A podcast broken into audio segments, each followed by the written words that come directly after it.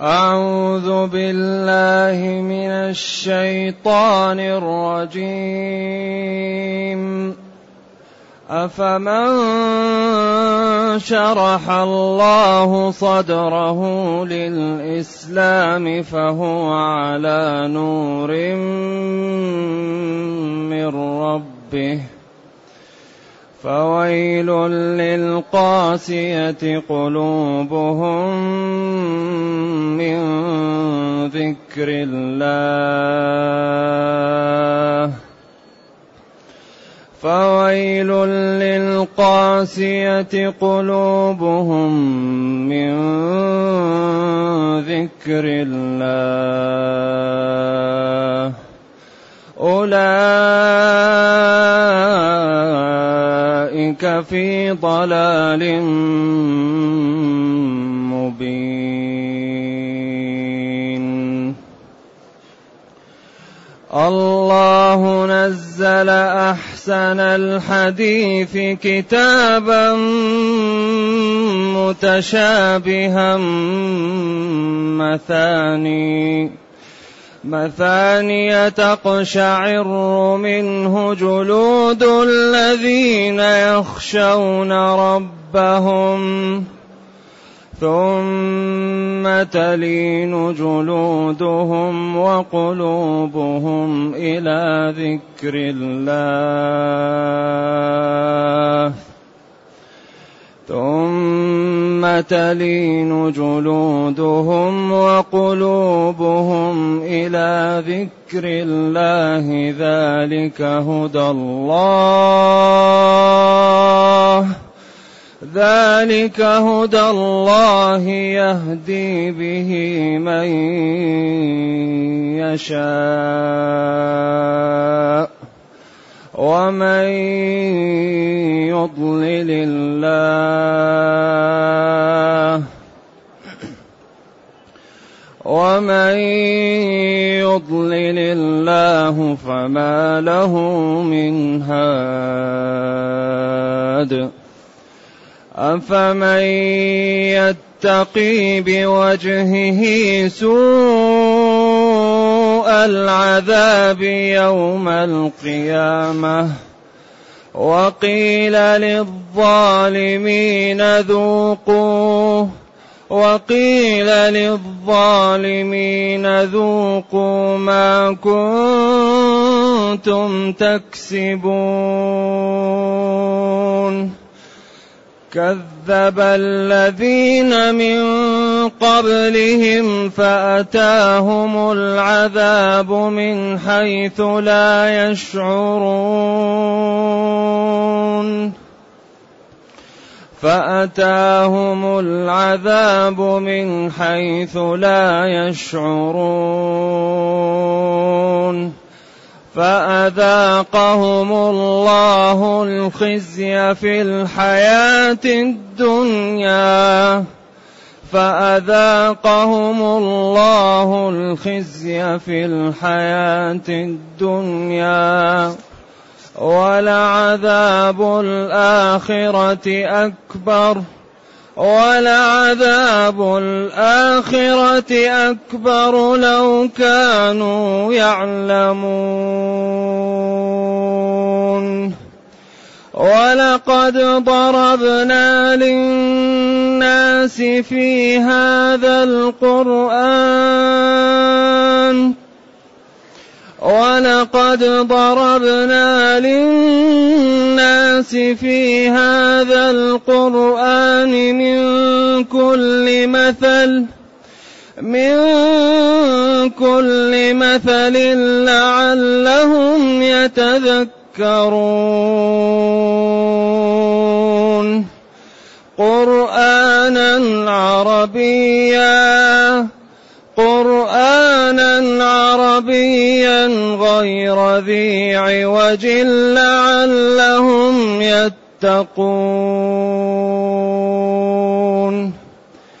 لعلهم يتقون. ضرب الله مثلا رجلا فيه شركاء ضرب الله مثلا رجلا فيه شركاء متشاكسون. ورجلا سلما لرجل هل يستويان مثلا؟ هل يستويان مثلا؟ الحمد لله. الحمد لله بل أكثرهم لا يعلمون. إنك ميت وإنهم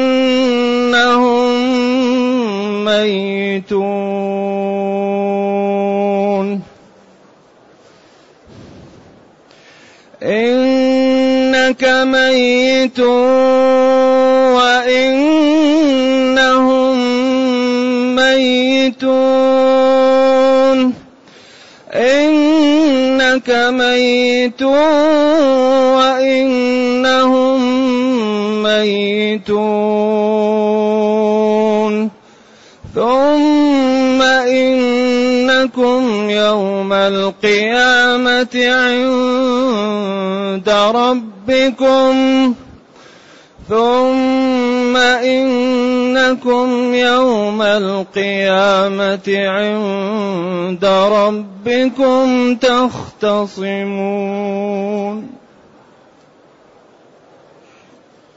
الحمد لله الذي أنزل إلينا أشمل كتاب وأرسل إلينا أفضل الرسل وجعلنا خير أمة أخرجت للناس. فله الحمد وله الشكر على هذه النعم العظيمة والآلاء الجسيمة. والصلاة والسلام على خير خلق الله وعلى آله وأصحابه ومن اهتدى بهداه. أما بعد فإن الله تعالى يبين الفرق بين الشريحتين اللتين يكثر في القرآن بيانهما. أفمن شرح الله صدره للإسلام فهو على نور من ربه. لذلك هذا القرآن جاء لإنقاذ البشرية وجاء ليعبد الله وجاء ليرفع الظلم وجاء لتكون العلاقة بين البشر على ما شرع الله وجاء لإسعاد خلق الله. لذلك هذه المعاني تتخذ دوائر وأشكال من البيان والإيضاح والحسن والجمال بطريقة تجعل العاقل لا بد أن يستقيم. تجعل من لم تكتب له الشقاوة لا بد أن يخاف لا بد أن يرتفع. لأن هذه الأساليب مع حسنها وجمالها وتكررها وتنوعها وبلاغتها وإعجازها لا يسمعها عاقل إلا تأثر. ذلك هنا يقول أفمن شرح الله؟ أيستوي؟ أيتماثل؟ من شرح الله صدره للإسلام وقبله وفرح به وأعطاه الوقت ليفهمه ويعمل به؟ فهو على نور من ربه. كمن جعل الله صدره ضيقا حرجا. لا يستويان. لذلك هذا ترك لأنه مفهوم من السياق. ولذلك العرب لا تذكر إلا ما لا يفهم. ما يفهم من الكلام يترك. والقرآن كما سيأتي بلسان عربي. إذا أمن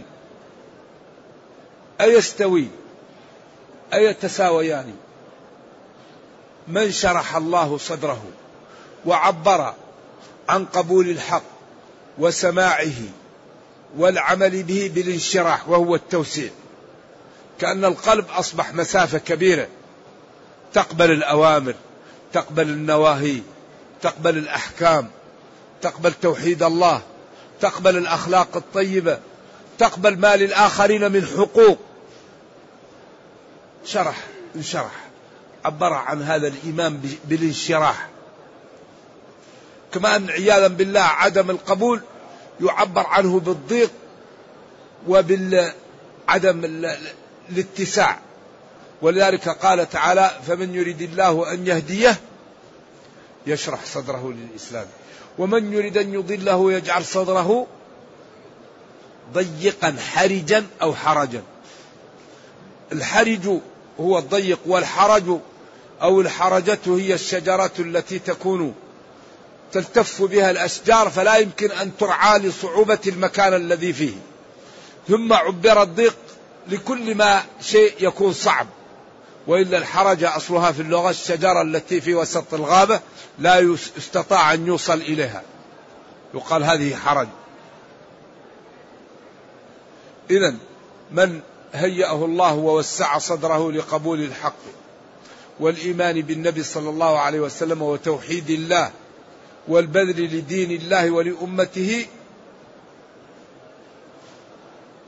ليس كمن أعوذ بالله جعل صدره ضيقا لا يقبل حقا ولا يسمع إلا باطلا ويغرق في المعاصي والشرك والضلال وظلم الناس واحتقارهم وعدم إعطائهم حقوقهم. لا يستويان.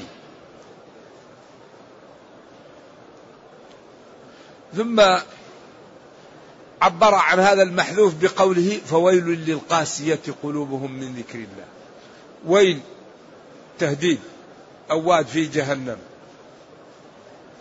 وهو يعني أسلوب يدل على التخويف والتحذير والتو والإيعاد بالعقوبة.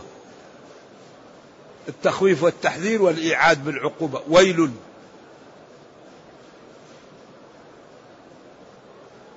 في الغالب. وقد يأتي للتعجب. ويل للقاسية قلوبهم. القلب هذا العضو الذي مثل الصلوبر. وهو مناط التكليف ومناط العقل. ولذلك العقل هنا ليس هنا. العقل في الصدر ليس في الدماغ. وإنما هي مسألة اتفاقية ظنها الفلاسفة لزومية. اتفاقية ليست لزومية. ولذلك قالوا كل ما اختل شيء في بعض الدماغ اختل العقل. اذا العقل في الدماغ. لا هذا اتفاقي. مثل أن تقول كلما كان النور كانت الشمس. هذا لا يصلح إلا اتفاقي. قد يكون فيه شمس فيكون النور من الشمس وقد يكون فيه السراج ويكون الليل فيكون النور من السراج. إذا هي مسألة اتفاقية ظنها الفلاسفة اللزومية ولذلك الله أشار في القرآن إلى أنه قد يأتي بعض الناس ويقول أن القلب ليس في الصدر وهذا من إعجاز القرآن. لأنه إذا ضربت اليد إذا ضرب الدماغ اشتلت اليد نقول اليد هي الدماغ. إذا ضرب الدماغ فقد الإنسان حاسة الطعم نقول اللسان هو الدماغ. لكن الجسم سلامته مربوطة بالدماغ وكل عضو في محله. فلا نقول اليد هي الدماغ لأنها تأثرت بالدماغ ولا نقول الرجل هي الدماغ لأنها تأثرت بالمخ بالمادة التي هي ترسل وإنما العقل هنا. وأكبر دليل على ذلك ولكن تعمل قلوب التي في الصدور. قوله التي في الصدور منبئة على أن في ناس يقولوا العقل ما هو في الصدر. والله يقول أنتم أعلم أم الله؟ وقال أم لهم قلوب يعقلون بها. ما قال أم لهم أدمغة يعقلون بها. والمسألة واضحة ولكن الجسم مربوط بالدماغ ولكن العقل في الصدر. ألا وإن في الجسد مضغة إذا صلحت وإذا فسدت؟ ألا وهي القلب ولا هي الدماغ؟ طيب. إذا وما أوتيتم من العلم إلا قليل. حفظنا شيء وغابت عنا أشياء. إذا نقول العقل في الصدر ولكن سلامته وسلامة جميع الأعضاء مربوطة بسلامة الدماغ الذي فيه محل الذي يرسل بإرادة الله. نعم. أفمن شرح الله صدره للإسلام؟ يعني هيأه لقبول الحق والإيمان بالله وبرسوله واتباع الأوامر واجتناب النواهي والقيام بالواجب وترك الحرام فهو على نور مما يعمل ومما يذر من ربه أعطاه الله إياه وفهمه. كمن في ضيق وفي ضلال وفي كفر لا يستويان. فويل للقاسية قلوبهم من ذكر الله. ويل للقاسية قلوبهم. عقوبة ووعيد للقاسية قلوبهم. من ذكر الله من هنا بمعنى عن أو هي للتعليل عن ذكر الله أو لأجل ذكر الله. ومن تأتي لأربعة عشر معنى. للتبعيض وللابتداء وللجنس وللغاية. وتأتي أيضا بمعنى عن وتأتي بمعنى الباء. عينا يشرب منها أي بها. على على خلاف ما رجحه شيخ الإسلام بن تيمية لأنه قال إن الحروف جوامد وإن الذي يتعاور ويغار هي الأفعال لأنها متصرفة. ولذلك يقول الحرف جامد لا ينوب حرف عن حرف. ولعل هذا مذهب بصري اختاره الشيخ الإسلام وكوفي ولكن جل العلماء يقولوا أن الأفعال تتعاور بعض والحروف ولذلك قالوا عين يشرب بها عبر عن يروى بيشرب. لذلك عديت منها لأنه قال يروى بسببها. وهذا خلاف قديم بين مدارس النحو هل الحروف تتغير أو لازمة لحالة واحدة وإنما الذي يتغير الأفعال أو أن الحروف تتغير وتعمل بدل بعض وكذلك الأفعال؟ والخلاف سهل إن شاء الله. فويل للقاسية قلوبهم. القاسية اسم فاعل وقلوبهم فاعل القاسية. من ذكر الله عن ذكر الله أو لأجل ذكر الله إذا ذكروا نفروا. ولذلك قل هو للذين آمنوا هدى وشفاء والذين لا يؤمنون في آذانهم وقر وهو عليهم عمل. هذا القرآن الذي لا يؤمن يكون ضيق له ما يقبل يسمعه. إذا سمع آية يهرب ما يستطيع. أولئك الذين قست قلوبهم لأجل ذكر الله أو عن ذكر الله في ضلال في بعد. ضلال ذهاب عن الحق وكفر بعيد عن الحقيقة بعيد عن الصواب. لذلك أشرنا فيما قبل أن كل كلمة من القرآن آخذة بحجز الكلمة اللي بعدها.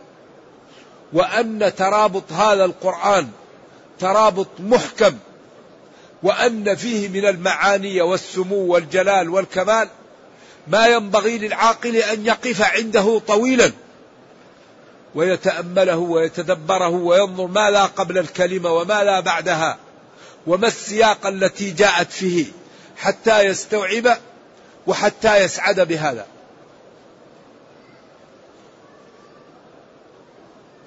طيب.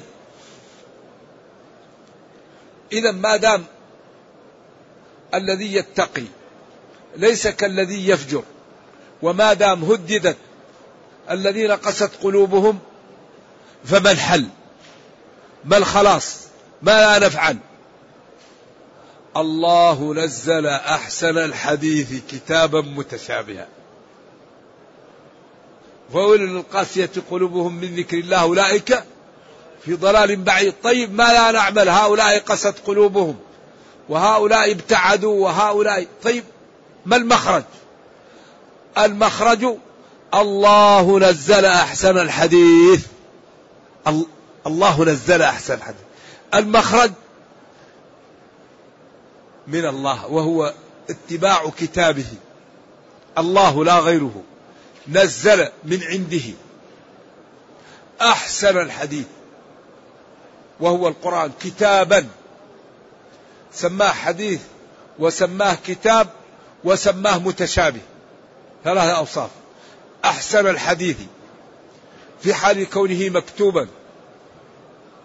وبعدين متشابه. هذا الكتاب هو المخلص. هو المنجاة.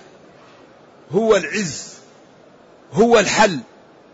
هو النور هو الرفعة هو السعادة هو الغناء أحسن الحديث. نحن نقص عليك أحسن القصص بما أوحينا إليك هذا القرآن. تبيانا لكل شيء.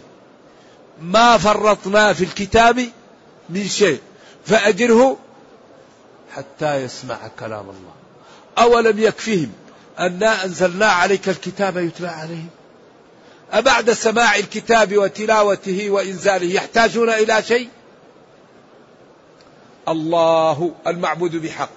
نزل من عنده صفة من صفاته بها يخلق. القرآن كلام الله يخلق به. صفة من صفات الله غير مخلوق. كتابا. لا يأتيه الباطل من بين يده أحسن الكلام أحسن المعاني أحسن الأسلوب. متشابه في الصدق وفي البلاغة وفي العدالة وفي الإعجاز وفي الإحكام وفي الشمول وفي الجلال وفي البلاغة. كلام يختلف عن كلام ولكن يشابهه في الصدق وفي الإحكام وفي النبل وفي وضع العدالة وفي النهي عن الظلم وفي النهي عن المعاصي والنهي عن الكفر وعن الضلال وفي الأمر بالمعروف وإعطاء الأيتام والإحسان على الوالدين والأقارب والجيران والضعاف والشرائح التي تخالطهم فهو أحسن الحديث. كتاب لا يأتيه الباطل. تبيان لكل شيء. متشابه في الصدق وفي البلاغة وفي جلال المقاصد. لذلك هذا الكتاب لا يوجد جملة تعارض جملة أبدا. كل شيء فيه يصدق بعض. تقشعر منه جلود الذين يخشون ربهم. يعني الذين يخشون ربهم. إذا قرأوا وسيق الذين كفروا إلى جهنم زمرا حتى إذا جاءوها فتحت أبوابها وقال لهم خزنتها ألم يأتكم نذير؟ قالوا بلى قد جاءنا نذير فكذبنا. تغيرت بشرة جلدهم ووقف الشعر وخافوا. القشعريرة التي تأتي للجسم وهو تغير لون البشرة ووقوف الشعر من هول أمر ومن خوف منه. إذا سمعوا قول الله تعالى للكفار وكل إنسان ألزمناه طائره في عنق طائره في عنقه ونخرج له ويخرج له يوم القيامة كتابا يلقاه منشورا اقرأ كتابك كفى بنفسك اليوم عليك حسيبا. يقرأ قول الكفار يا ويلنا يا ويلتنا أو يا ويلنا. ما لهذا الكتاب؟ لا يغادر صغيرة ولا كبيرة إلا أحصاها ووجدوا ما عملوا حاضرا ولا يظلم ربك أحدا. شعرت جلودهم ثم إذا سمعوا إن الله تعالى يغفر الذنوب جميعا. وسيق الذين اتقوا ربهم إلى الجنة زمرا حتى إذا جاءوها وفتحت أبوابها وقال لهم خزنتها سلام عليكم طبتم فادخلوها. خالدين لانت جلودهم وقلوبهم إلى ذكر الله واطمأنوا لما أعد الله للمتقين ولما اتصف به الرحمن الرحيم من المغفرة. وسعة الرحمة وشمول العفو لخلقه. ثم تلين جلودهم وقلوبهم إلى ذكر الله. ذلك هدى الله. ذلك اللين. وذلك الشفقة والخوف. هدى الله الذي يقذفه ويجعله في قلوب من اختاره من عباده الصالحين. يهدي به من يشاء. ولذلك الهداية من خصائص الربوبية. قال لنبيه إنك لا تهدي من أحببت. وقال وإنك لتهدي إلى صراط مستقيم. أنت تبين وترشد ولكن إيصال إدخال المعلومة في القلب وإذعان القلب للحق هذا من خصائص الربوبية. لا يملكه إلا الله. ذلك هدى الله توفيقه وإرشاده وهدايته التي يهدي بها من يشاء من عباده كما قال تعالى في الفاتحة اهدنا الصراط المستقيم. ولو أشركوا ومن يضل الله فما له من هذا من يحجب الله قلبه عن قبول الحق فهو في الضلال لا أن يدخل جهنم. ومن يضلل الله يبعده عن الحق ويجعل موارد العلم مختومة لا سبيل لهدايته.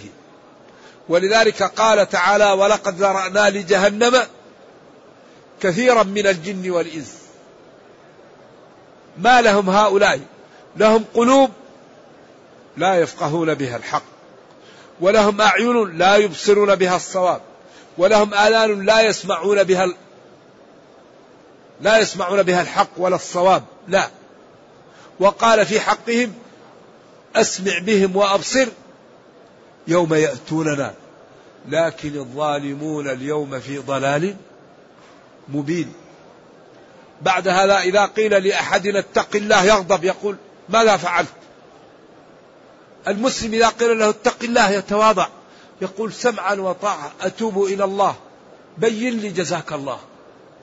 وإذا قيل له اتق الله خذته العزة بالإثم أي مسلم يقال له اتق الله يخاف. يقول أتوب إلى الله سمعا وطاعة. ومن يضلل الله فما له من هاد بعدين هذا الذي يضلله الله هو الذي يتقي بوجهه سوء العذاب يوم القيامة. يكتف ويرمى في النار فما عنده شيء يتقي به النار إلا وجهه. فمن يتقي بوجهه سوء العذاب يوم القيامة؟ نعم. أفمن يتقي بوجهه سوء العذاب يوم القيامة؟ هذا يقال لنا ونحن في الدنيا أليس من الجنون الواحد يرمى في جهنم بعد سماع هذا؟ أليس من السفة؟ إنسان تقرأ عليه الآية في الدنيا أفمن يتقي؟ يقال له هذا يوم القيامة. لا يبالي ولا يعمل حتى يكتف ويرمى ويتقي بوجهه سوء العذاب لذلك هذه فرصة للأحياء. فرصتكم يا أحياء. فرصتك يا من لس ما زلت في الدنيا. تب. أرجع أقلع أفتح صفحة جديدة. إن هذا مآل المنحرفين فلا تكن من جملة هؤلاء. أيها العاقل بادر. أفمن يتقي بوجهه سوء العذاب يوم القيامة؟ كمن هو آمن واستقام وجعل عمله وصلاته وزكاته وصومه وغض بصره وإكرامه للفقراء والضعاف والأيتام والديه وجيرانه. جعل ذلك حاجبا بينه وبين النار. أفمن يتقي بوجهه سوء العذاب؟ كمن يتقي النار بطاعته وبعمله وبالأعمال البر؟ لا يستويان. وقيل للظالمين ذوقوا ما كنتم تكسبون. لأن ما هنا قيل لهم ذلك حذف الفاعل. لأن المقصود هم وإدخالهم النار. ذوقوا تجرعوا. الذي كنتم تكسبونه في الدنيا أو كسبكم. على أن ما موصولية أو مصدرية. كذب الذين من قبلهم. من الأمم الماضية فأتاهم العذاب من حيث لا يشعرون. قالوا عارض ممطرنا. بل هو ما استعجلتم به ريح فيها. عذاب أليم تدمر كل شيء. أتاهم العذاب من حيث لا يشعرون أنه يأتيهم عياذا بالله. وهذا يكون أنكى وأشد ألما أن يأتي العذاب فجأة. فاحذروا يا كفار قريش ويا من كنتم بين ظهراني النبي صلى الله عليه وسلم من أن ينالكم من العقوبة ما نال الأمم الكافرة من قبلكم. فأذاقهم الله الخزي في الحياة الدنيا. الذل والعقوبة عياذا بالله في الدنيا من الأسر والقتل والاسترقاق وفي الآخرة أشد وأشد. ولعذاب الآخرة أكبر. لو كانوا يعلمون. لتابوا وتركوا ما هم فيه من الضلال. والله لقد ضربنا وبينا للناس في هذا القرآن من كل مثل. لعلهم يتذكرون قرآنا عربيا غير ذي عوج لعلهم يتقون. الله أكبر. ولقد ضربناه بيناه ومثلناه ووضحناه للناس للخلق في هذا القرآن العظيم الذي لا يأتيه الباطل المعجز من كل مثل من مثل الحياة. ضربنا لهم مثل في المتقين وكيف نجوا مثل في العاصين وكيف هلكوا مثل في حسن الأخلاق مثل في الصدق مثل في الشجاعة مثل في المروءة كل مثل. ولذلك في كتاب أتلو أمثال القرآن وتلك الأمثال نضربها للناس وما يعقلها إلا العالمون. بينا فيه من كل منحى أتينا بالأحكام وجمالها وعدلها وصدقها. وأتينا بالأوامر واحتياج الناس إلى امتثالها وجئنا بالنواهي وامتثال واحتياج الناس إلى الكف والبعد عنها وأتينا بالأخلاق واحتياج الناس إلى تمثلها وكل أمور وضعناها في مآكلها من كل مثل. ولذلك هذا القرآن كنز لا ينفد فلا بد من الإنفاق منه. ويزيد بالإنفاق. القرآن كنز يزيد بالإنفاق. فلا بد أن ننفق من هذا القرآن. لا بد أن نقف مع الأوامر. ونمتثل. نقف مع النواهي ونجتنب. مع الآداب ونتأدب. مع الأخلاق ونتخلق. مع الأحكام ونعمل. آية آية في الجمال آية في الحسن معجزة خالدة إلى قيام الساعة. لما لا يكون عند المسلمين مؤتمر اسمه المؤتمر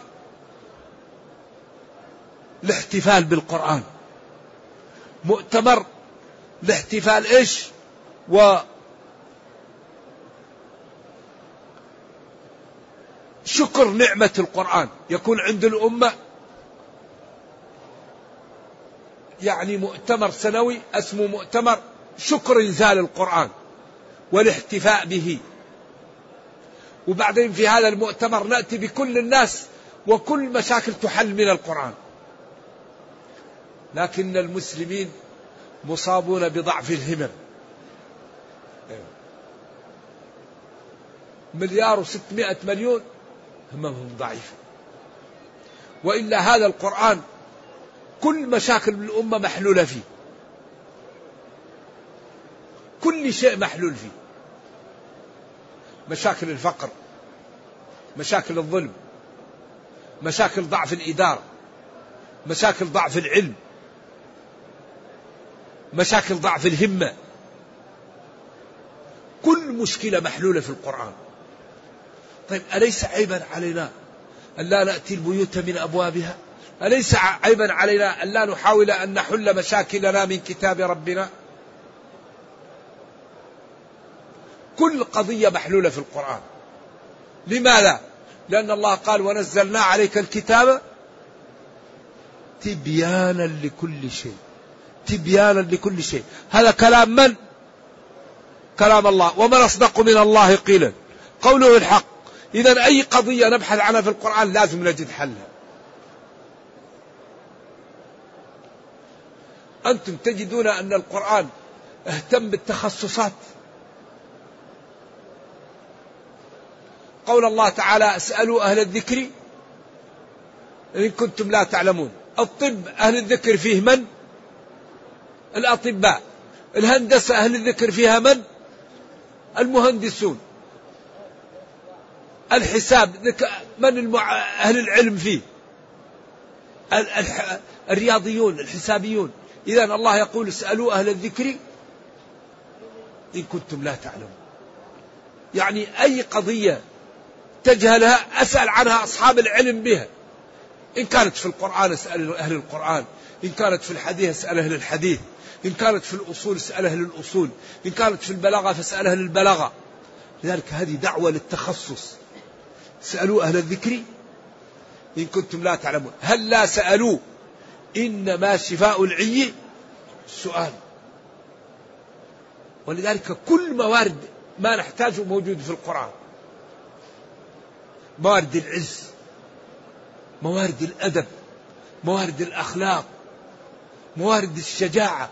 ولذلك أعطانا جرعات تترك هذه الأمة في رفعة وعزة ومنعة لا يعلمها إلا الله. من الجرعات قوله صلى الله عليه وسلم والله لا يؤمن أحدكم حتى يحب لأخيه ما يحب لنفسه. هذه جرعة تجعل الأمة ترتفع عن السفاسف وتنزع الغل والحقد والكراهية وتجعل الأمة كالشخص الواحد.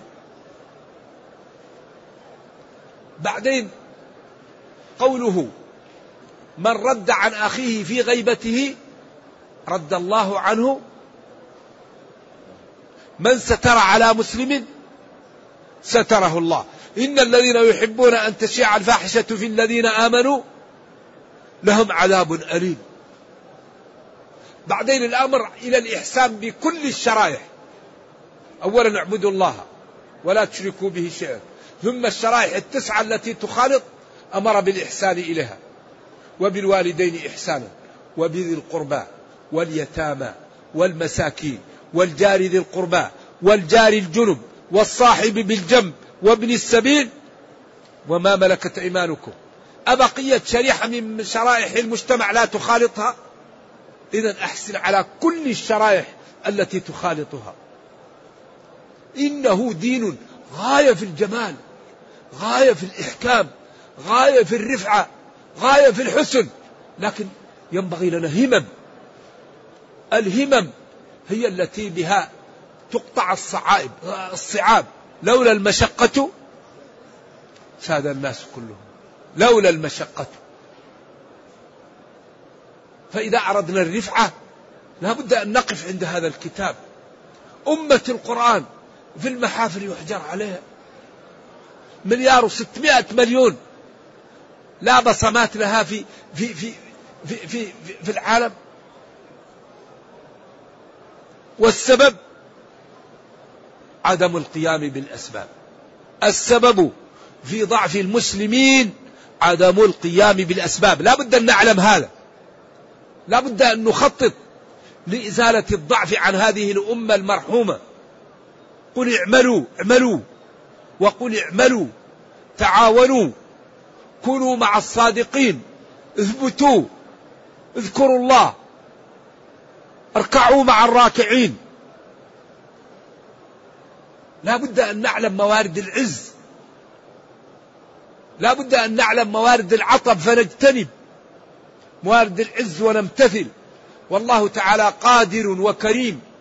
ولا يضيع أجر من أحسن عملا. وقال جل وعلا ولا ينصرن الله من ينصره. إن الله لقوي عزيز. ما لأمة القرآن عندها كنز وهي محتاجة إلى أن تنفق منه ولا تنفق منه. أليس هذا من الخور إنسان عنده كنز ولا ينفق منه. وهو عريان وجوعان ومريض والكنز موجود لا ينفق منه. ننفق من القرآن ننفق من السنة. وما نحتاجه هو محلول في كتابنا. وبعدين فيه مطمئنات. كل ما تخاف منه الأمة على أنفسها ومالها. كل مشكلة سببها المال والجاه. العمر لا يزيد ولا ينقص والمال لا يزيد ولا ينقص. لماذا لا نشتغل لديننا ولأمتنا؟ وعندنا مطمئنات من ربنا. كل المشاكل سببها المال والجاه. كل مشكلة وراها مال أو جاه. إذا المال لا يزيد ولا ينقص والعمر لا يزيد ولا ينقص. فلم لا نشتغل لديننا ولأمتنا؟ وعندنا مطمئنات من ربنا. العمر محدود والمال محدود. نشتغل لديننا ولأمتنا. ونقوم بالأسباب ولن يأتيك إلا ما كتب لك. قل لو كنتم في بيوتكم لبرز الذين كتب عليهم القتل إلى مضاجعهم. أينما تكونوا يدرككم الموت ولو كنتم في بروج مشيدة. إن أجل الله إذا جاء لا يؤخر. لو كنتم تعلمون. هناك موارد للتشجيع للرفعة وللعمل لهذا الدين وللإنتاج. إذا أطلب ممن أعطاه الله العقل والعلم والمال أن يتحرك للرفعة من الإسلام والمسلمين على قدر ما أعطاه الله. كل واحد منا أعطاه الله إمكانيات فليتحرك بها للرفعة للإسلام والمسلمين في ضوء الدين. نطلب من كل واحد لأن الله يقول وتعاونوا تعاونوا. من أهم التعاون أن نعرف بعض. أين أين الآن المركز الذي يجمع الأذكياء من المسلمين في العالم؟ الأذكياء في العالم ينبغي يكون لهم لهم ديوان. يعرفوا ليساعدوا وليساعدوا. ينبغي أن يكون لنا عمل استراتيجي لنرفع الإسلام والمسلمين. ولا يوجد شيء أضر للأمة من الزهد في العقول. الزهد في العقول هو الذي يدمر الشعوب والأمم ولا يوجد شيء أكثر ربح ولا أكثر ازدهار ولا رقي للأمم من شراء العقول والبذل للإبداع. هذا الذي يجعل الأمة تقفز بسرعة وتتقوى بسرعة وهو شراء العقول. إذا لابد أن تكون عندنا مثلا مركز يحصي لنا العقلاء في العالم الإسلامي. أنا عندي مشكلة نبقى عاقل يساعدني. عندي مشكلة نبقى ذكي يساعدني. عندي مشروع. نبقي ناس عندهم خبرة يساعدونني.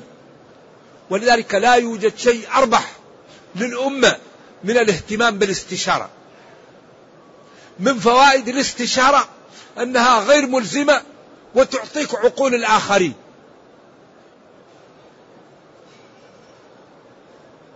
بعض القضاة يعمل قضية وترد. كيف أنا قاضي نعمل؟ نحكم في قضية ونتركها ترد. لماذا لا نستشير زملائي ونستشير شيوخي؟ وأي قضية نحكم فيها لا يمكن أن, أن تنقض. عندي الاستشارة. والحكم يتريث فيه أسبوع أسبوعين. قبل أن نحكم نجمع زملاء. ونجمع علماء ونسأل حتى أي حكم حكمت فيه لا ينقض. ولذلك الله قال وشاورهم في الأمر وأمرهم شورى بينهم. لا يوجد شيء أنفع لمن يريد أن ينتج من الاستشارة. ذلك لابد أن نعتني بموارد العز بموارد الصح بموارد الرفعة. وإلا كل واحد يغتني بنفسه. الله يقول وما أوتيتم من العلم إلا قليل. الله يقول سنشد عضدك بأخيك. وقال لشعيب ولولا رهطك لرجمناك. وقال ولا تنازعوا فتفشلوا. وقال كونوا مع الصادقين. طيب كيف نكون مع الصادقين إذا لم أعرفهم إذا لا بد أن نعرف بعض ونتعاون. ونعلم أنه لا يضر المسلمين مثل الخلاف. إذا أرادت بعض الشرائح أن تخالف لمصلحة أكبر مفسدة ينالها المسلمون الاختلاف والتنازع. فالذي ينازع لأجل المصلحة لا توجد مصلحة أشد من عدم التنازع. ولذلك نبينا صلى الله عليه وسلم ترك المنافقين يقال لهم الصحابة خوفا من التشويه. القرآن يقول إن المنافقين في الدرك الأسفل من النار. في الدرك الأسفل من النار. ومع ذلك النبي صلى الله عليه وسلم قبل منهم ما قالوا وقبل ظاهرهم ولم يقتلهم خوف من التشويه. لذلك الأمة لا بد أن تهتم بالوحدة وبالاتفاق. ولذلك الذي قال له الرجل لا إله إلا الله وقتله قال أقتلته بعد أن قال لا إله إلا الله. قال قالها تقي. قال أين تضع لا إله إلا الله؟ قال قال حتى تمنى أن يكون لم يدخل في الإسلام. وقال تعالى ولا تقولوا لمن ألقى إليكم السلام أو السلم لست مؤمنا. تبتغون عرض الحياة الدنيا فعند الله مغانم كثيرة كذلك كنتم من قبل فمن الله عليكم فتبينوا. لا إله إلا هذا غاية في البلاغة والجمال. كذلك كنتم من قبل فمن الله عليكم فتبينوا. واحد يقول لك أنا عقيدتي عقيدة سليمة تقول له لا. شو دريك إذا قال لك واحد من عقيدته سليمة قل الحمد لله جزاك الله خير.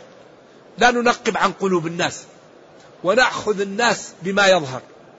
لذلك نقول الإنسان غير تقي لأنه قال كذا لأن صلاته لا يأتي بالطمأنينة لأنه يقع في أعراض الناس لأنه يتخلف عن الجماعة لأنه يسب الصحابة. أما تقي لأن عقيدته العقيدة فعيل بمعنى مفعول لا يطلع عليها إلا الله والحكم على العقيدة سرداب. لكن نحكم على الناس بما يظهر. نقول هذا الإنسان عندنا عنده مشكلة لأنه يسب الصحابة. يسب أبا بكر وعمر. والذي يسب أبا بكر وعمر مريض. مريض مريض مريض. مريض. اقتدوا بالذين من بعدي. أنا وأبو بكر وعمر. بعدين ثاني اثنين هما في الغار. مالك قال من سب أبا بكر فهو كافر. مالك. لأنه مزكى من القرآن فكأنه كذب القرآن. ولذلك كانت عائشة رضي الله عنها تقول أما ترون كيف أكرم الله صحابة رسوله صلى الله عليه وسلم عندما ماتوا هيأ الله لهم من يسبهم ليأخذوا حسناته إن كانت له حسنات. نعم فتح الله لهم باب. هؤلاء الذين يسبون الصحابة الصحابة يأخذون حسناتهم فيرتفعوا إن كان لهم حسنات. ذلك فهذا الدين دين فيه من الرقي والسماح والقوة والجزالة ما لا يعلمه إلا الله. لكن لا بد أن نقرأ بما كنتم تعلمون الكتاب وبما كنتم تدرسون. لا بد من الدراسة. لابد من العلم. قرآنا عربيا. ما هذا يا عرب قرآنا عربيا. لذلك أختار له أحسن الحروف في أحسن الكلمات في أحسن المعاني في أحسن النظم. فجمع بين الجزالة والعذوبة وبين الفخامة والسلاسة وهذا لا يعهد في كلام البشر. لأن السلاسة هي سهولة والفخامة وعورة. فالكلام يكون سهل ووعر ما يمكن. فلذلك هذا الكتاب لا يأتيه الباطل من بين يديه ولا من خلفه. أنزلناه لعلهم يتقون الله تعالى ويعملون بطاعته ويعلمون أن محمدا صلى الله عليه وسلم مرسل من عند الله. لا يوجد فيه إعوجاج. خذ العفو وأمر بالعرف. واعرض عن الجاهلين. خذ العفو السهل وأمر بما يعرف من حسن الأخلاق ومن مكارم العادات. وإن جاءك شيء من جهل أتركه. لأن الذي يأمر بالعرف لا بد أن يأتيه شيء من الجهال. وقال إن الله جل وعلا يأمر بالعدل. إن الله يأمر بالعدل والإحسان. الإحسان هو إتقان ما تقوم به. كل ما تقوم به تحسنه هذا تتقنه يقال له إحسان. يعني تتقن التعامل مع الناس بالفضل. عبادة الله قيام ما تعمل به. إن الله يحب عمله إذا عمل عملا أن يتقنه. وإيتاء ذي القربى. لأن القرابات مروءة المسلم ومروءة أهل الفضائل. واحد يهجر قراباته ويعاديهم. هذا مروءته ناقصة. قرابات الإنسان لا يكافئ منها. قرابات الإنسان يصلها ولو لم يصلوه قرابة الإنسان لا يقطعها. قرابة الإنسان لا يكافئ منها الشر. وإيتاء ذي القربى. بعدين ينهى عن الفحشاء. الفحشاء الزنا. يعني سب الناس شتم الناس. المنكر. كل ما إذا سمعه الإنسان أنكره. عقوق الوالدين. البغي ظلم الآخرين الاعتداء على الأيتام على الفقراء. واحد عنده جار فقير يحط الوسخ عند بابه. واحد عنده جار فقير يقف بسيارته أمام بابه وإذا أراد أن يشغلها يحط عليه الأدخنة وهو فقير ما يقدر يعمل عيب عندك عامل لا تعطيها. حقه تحمله ما لا يطيق تسبه تضربه عيب عيب. هذا كفران للنعم. الله أكرمك بأن تستجلب الخدمة من آلاف الكيلومترات وبعدين تظلمهم. أما تخاف الله أن يجعلك مثله؟ ويحول النعم عليك نقم. لذلك إنما يخشى الله من عباده العلماء. قرآنا عربيا غير ذي عوج. ما فيه اعوجاج. ما فيه ظلم. ما فيه تناقض. لعلهم يتقون. لعلهم يتقون الله تعالى ويعملون بطاعته ويبتعدون عن الكفر. بعدين ضرب الله مثلا رجلا. عبد لأربعة ظلمه. هذا ورطان. الذي يرضي هذا يغضب هذا والذي يغضب هذا يرضي هذا. هذا في في ورطة. أما الذي يملكه واحد يعرف ما لا يأمره وما لا ينهاه وكيف يتعامل معه فيسعد. لذلك ضرب الله مثل اللي عنده إيش؟ الأصنام. ما لا تعمل به الأصنام. فيه شركاء متشاكسون. ورجلا سلما لرجل هل يستويان مثلا؟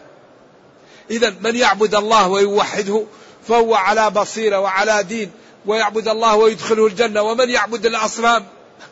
ما لا يرضي الأصنام وما لا يفعل فهو في حيص بيص. فما, عنده بصيرة في أمره. شركاء يعني جمع شريك متشاكسون متخاصمون. ورجلا وعبدا رجلا لرجل واحد. هل يستويان مثلا؟ الحمد لله. وكذلك قال في سورة النحل وهو كل على مولاه أينما يوجه لا يأتي بخير هل يستوي هو ومن يأمر بالعدل وهو على صراط مستقيم ضرب لكم مثلا من أنفسكم هل لكم مما ملكت أيمانكم من شركاء فيما رزقناكم فأنتم فيه سواء تخافونهم كخيفتكم أنفسكم كذلك نفصل الآيات لقوم يعلمون. ضرب الله مثلا رجلا فيه شركاء متشاكسون ورجلا سلما لرجل هل يستويان مثلا؟ الحمد لله الثناء بالجميل للمعبود بالحق. بل أكثر هؤلاء الذين يشركون بالله لا يعقلون. ثم أتى بثقل في الآية. وأتى بجملة تجعل كل عاقل ينتبه إنك ميت وإنهم ميتون. ثم إنكم يوم القيامة عند ربكم تختصمون. هذا ثقل الجملة والموت أشد حادث مما يمر على الجبلة ولا في واحد يقول أنا لا أموت. والعقل قبل أن يذهب إلى المقابر وتكف يده عن العمل ويشاهد الحقيقة ينبغي أن يعمل. المشكلة أهل القبور شاهدوا الحقيقة وكفت أيديهم عن العمل. أما نحن الآن في الدنيا كل واحد يستغفر يتوب يعمل خير يذكر الله يسأل الله. أما أهل القبور مساكين في ورطة. بعدين إنكم يوم القيامة عند ربكم كل واحد يدلي بحجته كل واحد يخصم من ظلمه وهناك تأتي الحقائق وهناك يأتي التمايز وهناك يأتي التفاضل وهناك يأخذ كل واحد حقه. والله لا عذر لنا بعد هذا البيان ونختم هذه الدروس المباركة اليوم لأننا عندنا سفرة واحتمال أن نتأخر إلى نهاية هذا الشهر المبارك ونرجو الله جل وعلا أن يتقبل منا ومنكم صالح العمل وأن يجعلنا ممن غفر له كما نسأله أن يوحد صفوف المسلمين ويقوي شوكتهم. اللهم أرنا الحق حقا وارزقنا اتباعه وأرنا الباطل باطلا وارزقنا اجتنابه وأن لا تجعل الأمر ملتبسا علينا فنضل. اللهم ربنا أتنا في الدنيا حسنة وفي الآخرة حسنة وقنا عذاب النار. اللهم اختم بالسعادة آجالنا. واقرم بالعافية غدونا وآصالنا واجعل إلى جنتك مصيرنا ومآلنا. اللهم إنا نسألك أن تحفظ هذه البلاد للإسلام والمسلمين حكاما ومحكومين وسكان وأن تحفظ جميع المسلمين وأن تفرج عنهم في كل مكان وأن ترد عنهم كيد أعدائهم وأن ترحم ضعفنا وتتجاوز عن سيئاتنا. إنك خير مسؤول والقادر على ذلك. وصلى الله وسلم وبارك على نبينا محمد وعلى آله وصحبه والسلام عليكم ورحمة الله وبركاته هذا سائل يسأل يقول لو أن مسلما احتاج لعملية زراعة قلب ولم يتوفر إلا قلب رجل كافر فهل تنصحه بإجراء هذه العملية على ضوء أن العقل.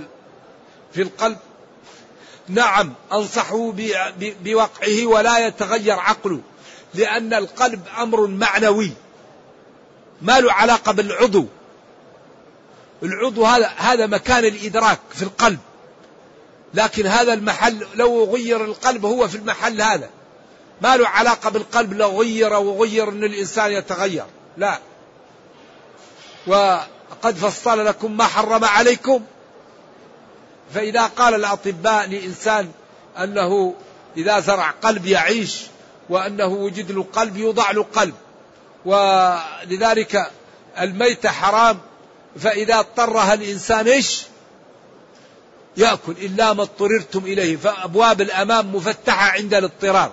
فلا علاقة للعضو بالقلب لأن القلب شيء معنوي. وهذا محله لا.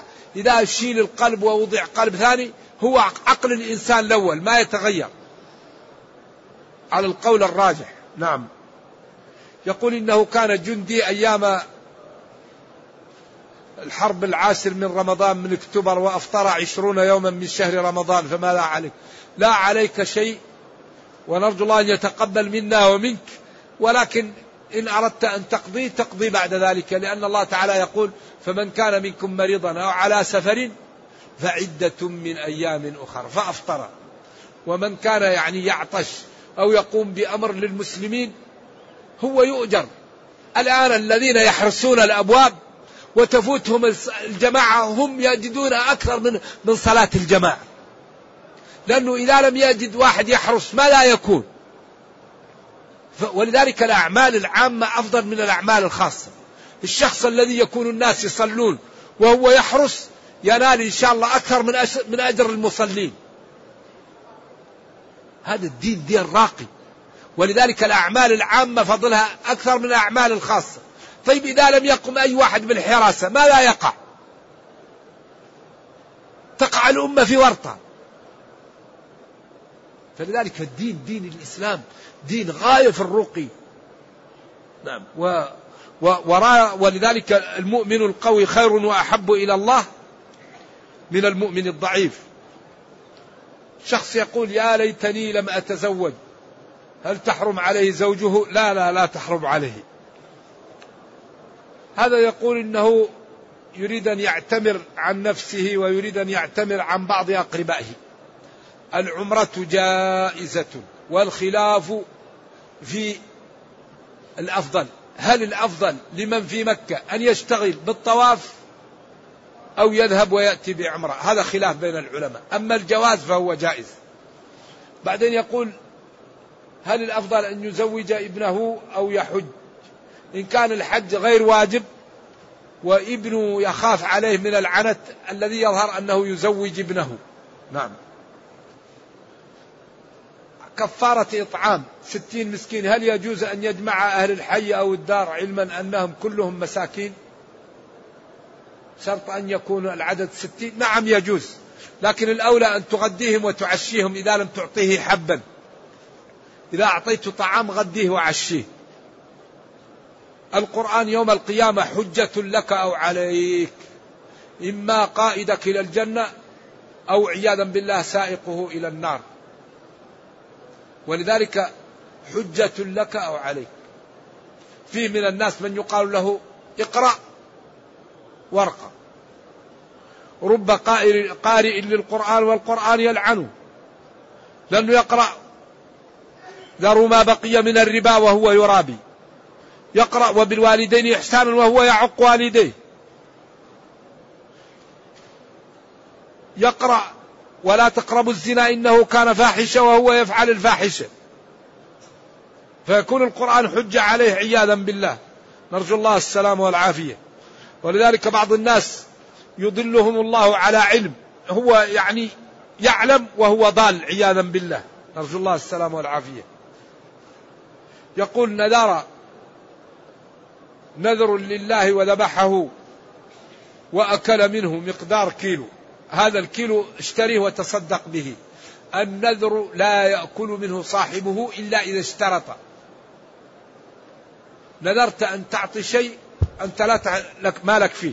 إلا إذا قلت أشترط في نذري كأنه هذا أخرجه من النذر. أما النذر لا يأكل منه صاحبه. نعم. من المتكلم في قوله تعالى وما أبرئ نفسي إن النفس لأمارة بالسوء إلا ما رحم ربي إن ربي غفور رحيم. الذي يظهر أنه يوسف وقيل زليخة التي هي قالت الآن حصحص الحق أنا راودته عن نفسي وإنه لمن الصادقين. ذلك ليعلم أني لم أخنه بالغيب وأن الله لا يهديك وما أبرئ نفسي ولكن الذي يظهر من السياق أنه يوسف يوسف هذا. نعم. يوسف. يقول هذا الشخص بالأمس جلس مع شخص قال إنه أباضي. قلت له هذه فرقة ضمن الخوارج؟ قال لي إنها فرقة مذهبية فقهية. صحيح أن الأباضية في الفقه فقههم مثل فقه الأئمة ولكنهم هم في المعتقد طبعا قريب من مذهب المعتزلة وهو معروف ومكتوب. وعندهم علماء أجلاء ولكن عندهم أخطاء في المعتقد غيرهم من فرق المسلمين. نرجو الله أن يغفر لنا وللمسلمين. نعم.